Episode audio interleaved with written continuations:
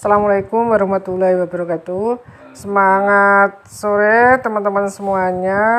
Alhamdulillah semoga pertemuan ke-6 ini kita semuanya dalam kondisi sehat ya dan semakin happy. Oh ya, selamat menunaikan ibadah puasa Ramadan ya 1442.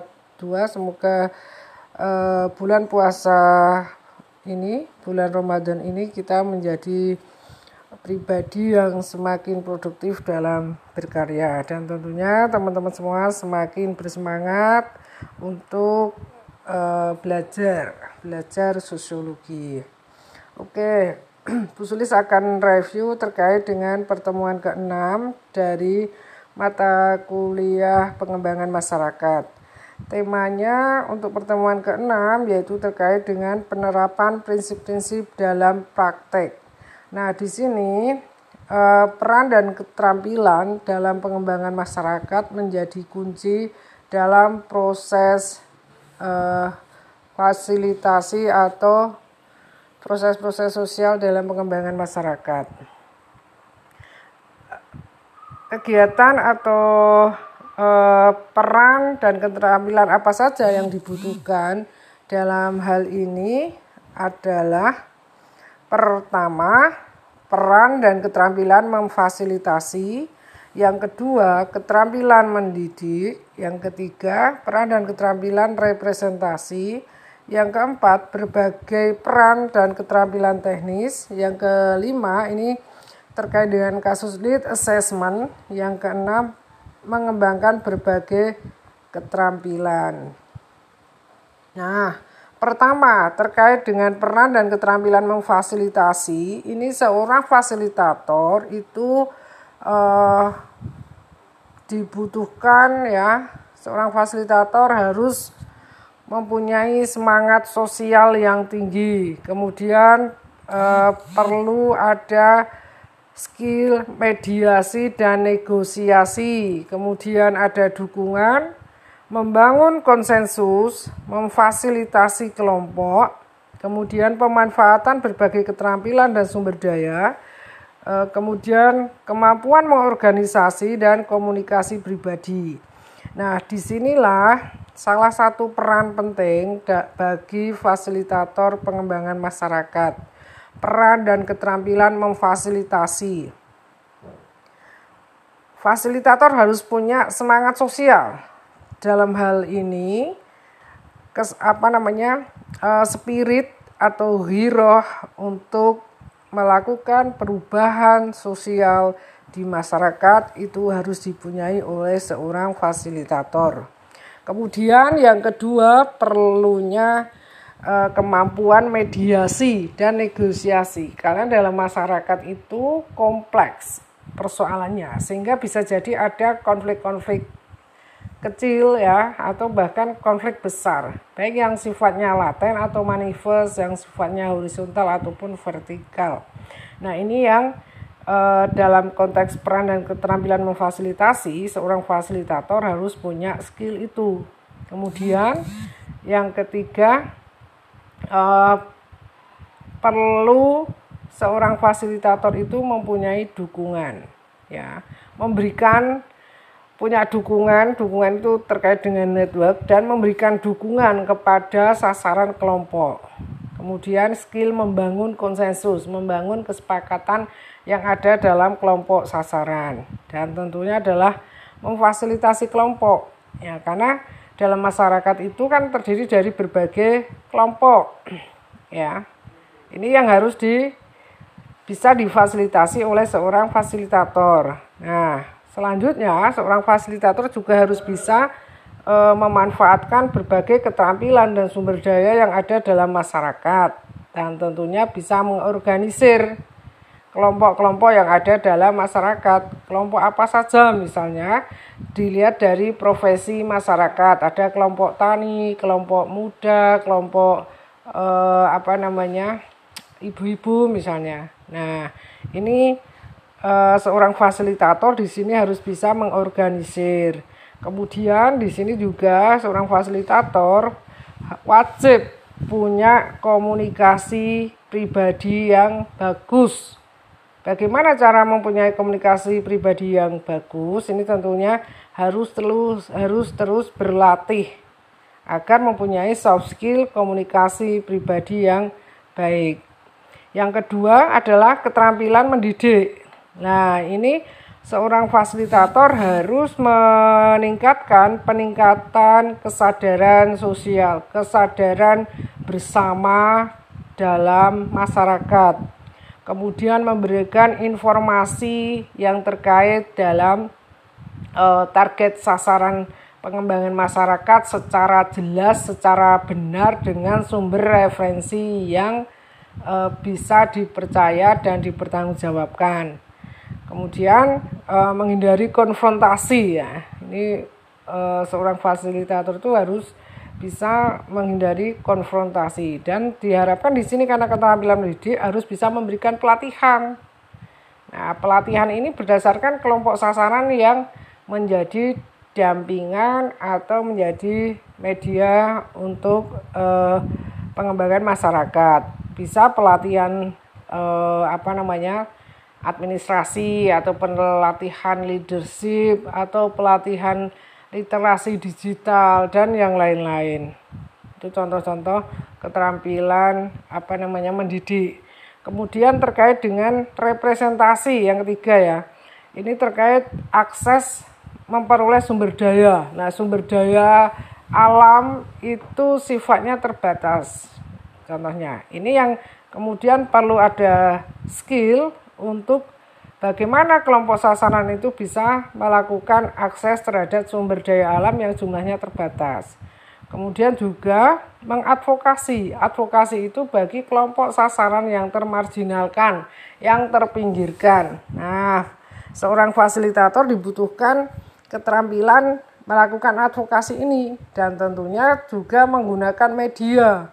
Media massa, media uh, online ya termasuk media sosial yang saat ini menjadi tren. Ini harus menggunakan media secara bijak. Kemudian bisa menjadi PR atau hubungan masyarakat dan menjadi representasi publik ya. Fasilitator itu karena jembatan ya. Menjembatani antara kelompok sasaran yang didampingi dengan mitra lain. Nah di sinilah kehadiran fasilitator dalam pengembangan masyarakat dibutuhkan. Dan tentunya juga jaringan atau network karena kelompok sorry karena persoalan dalam masyarakat itu sifatnya kompleks gak bisa diselesaikan secara uh, tunggal. Nah di sinilah peran uh, networking dari fasilitator itu dibutuhkan. Bagaimana persoalan-persoalan yang ada dalam masyarakat itu bisa di selesaikan dengan pendekatan multi stakeholder dengan melibatkan uh, disiplin ilmu. Dan terakhir adalah berbagai pengetahuan dan pengalaman yang dimiliki oleh fasilitator itu bisa didiseminasikan, disampaikan kepada kelompok sasaran. Yang keempat, seorang fasilitator itu juga harus uh, mempunyai skill dalam melakukan assessment dengan metode ANSOS, analisa sosial. ANSOS ini merupakan alat dasar dan bantu dalam upaya kita menempatkan dan memahami suatu masalah tertentu. Kemudian, atas masalah yang diletakkan pada konteks realitas sosial yang jangkauannya relatif lebih luas.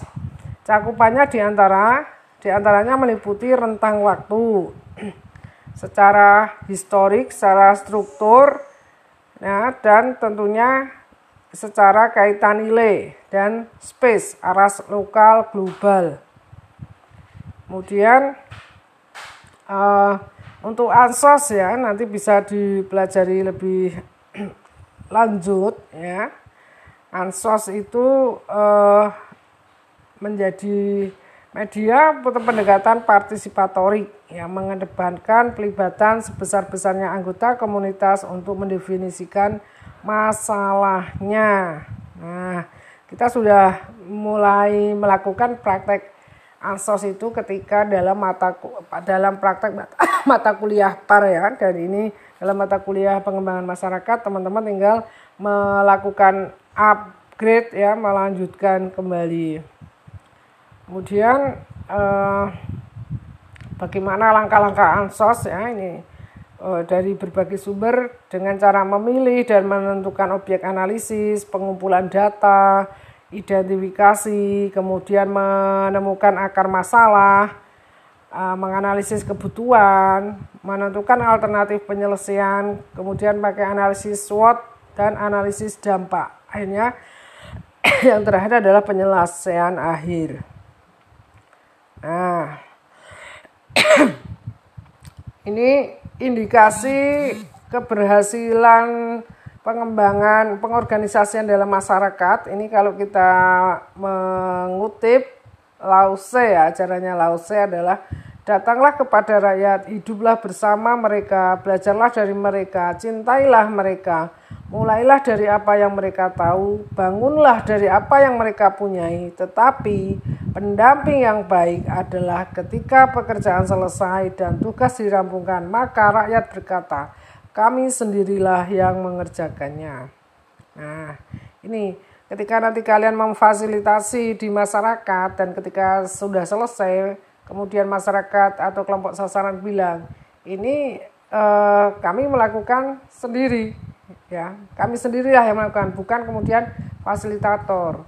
Fasilitator itu tugasnya adalah eh, mendorong melahirkan kesadaran kritis, kesadaran sosial dalam berorganisasi di masyarakat untuk melakukan perubahan. Nah, ini ya. Oke. Nanti bisa dibaca lebih lanjut ya. Dalam konteks pengorganisasian masyarakat itu adalah Proses membangun kekuatan dengan melibatkan konstituen sebanyak mungkin melalui proses. Prinsip-prinsip dalam pengorganisas pengorganisasian tentunya ini sudah uh, diterapkan ya oleh teman-teman semuanya ketika belajar praktek par membangun pertemanan dengan masyarakat ya membangun kontak person kemudian bersedia belajar dari masyarakat, tidak berpretensi menjadi leader, membangun masyarakat berdasarkan potensi yang ada dan mempercayai bahwa masyarakat itu mempunyai potensi. Nah, ada model-model dan strategi pengorganisasian ini ya. Model dan strategi Paulo Freire ya, Paulo Freire, masyarakat pedesaan ini ada pengenalan masalah bersama, kemudian pengenalan kebutuhan potensi dan sumber daya alam, penggalangan potensi, baru aksi penyelesaian bersama. Oke, ini model strategi Saul Alinsky. Ini untuk masyarakat perkotaan. Strategi utamanya adalah mengajak anggota komunitas untuk membangun organisasi komunitas atau organisasi rakyat yang kuat dan mampu menjalankan aksi-aksi umum ini public action. Kemudian untuk mencapai bangunan tersebut setiap kali aksi harus disertai dengan refleksi untuk e, masyarakat perkotaan. Nah, ansos dewasa saat ini ini kita lihat ya beberapa kelompok kepentingan yang mengatasnamakan negara, kedua kelompok pemodal, yang ketiga, rakyat terfragmentasi berdasarkan pengaruh kelompok-kelompok di atas. Yeah.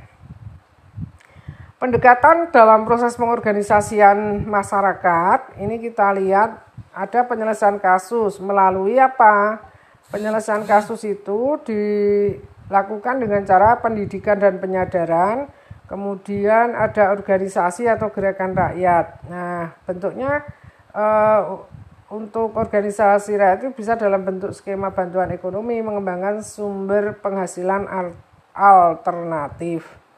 Nah, yang kelima adalah mengembangkan berbagai keterampilan. Ini seorang fasilitator eh, adalah perlu ya dan wajib mempunyai kemampuan untuk menganalisis, eh, membangun kesadaran di masyarakat dan berbagi pengalaman, kemudian mempunyai uh, spirit belajar dari orang lain dan punya intuisi. Nah, itu kira-kira uh, apa namanya terkait dengan penerapan prinsip-prinsip dalam praktek, peran dan keterampilan dalam pengembangan masyarakat yang wajib dipunyai oleh seorang fasilitator. Demikian review dari Bu Sulis uh, untuk pertemuan ke-6. Ini uh, terima kasih untuk kerjasamanya dan terima kasih untuk teman-teman yang uh, sudah menuliskan usulan kegiatan praktek pengembangan masyarakat melalui e-learning itu nanti Bu Sulis akan review dan memang dan jika memang itu sudah final silahkan teman-teman mencicil untuk membuat proposal ya. Template proposal itu sama dengan uh, template yang sudah Bu Sulis share sebelumnya di uh, praktek par ya. Terima kasih. Ada yang kelompok yang sudah mengirimkan eh, apa namanya proposalnya. Nanti Bu Sulis akan cermati satu persatu dan yang melalui e-learning akan Bu Sulis review eh, satu persatu juga. Dan kalau eh, alangkah bagusnya ya, tadi Bu sampaikan adalah mencicil untuk membuat proposalnya. Sehingga nanti untuk pertemuan ketujuh Bu Suri sudah bisa melihat semester uh, pertemuan ke-8 dan seterusnya teman-teman sudah mulai praktek ya setelah UTS itu adalah praktek. Demikian tetap semangat ya, tetap produktif di bulan Ramadan. Mohon maaf jika ada hilaf. Uh, mari Bu Sulis akhiri untuk review pada pertemuan sore hari ini dengan membaca hamdalah. Assalamualaikum warahmatullahi wabarakatuh.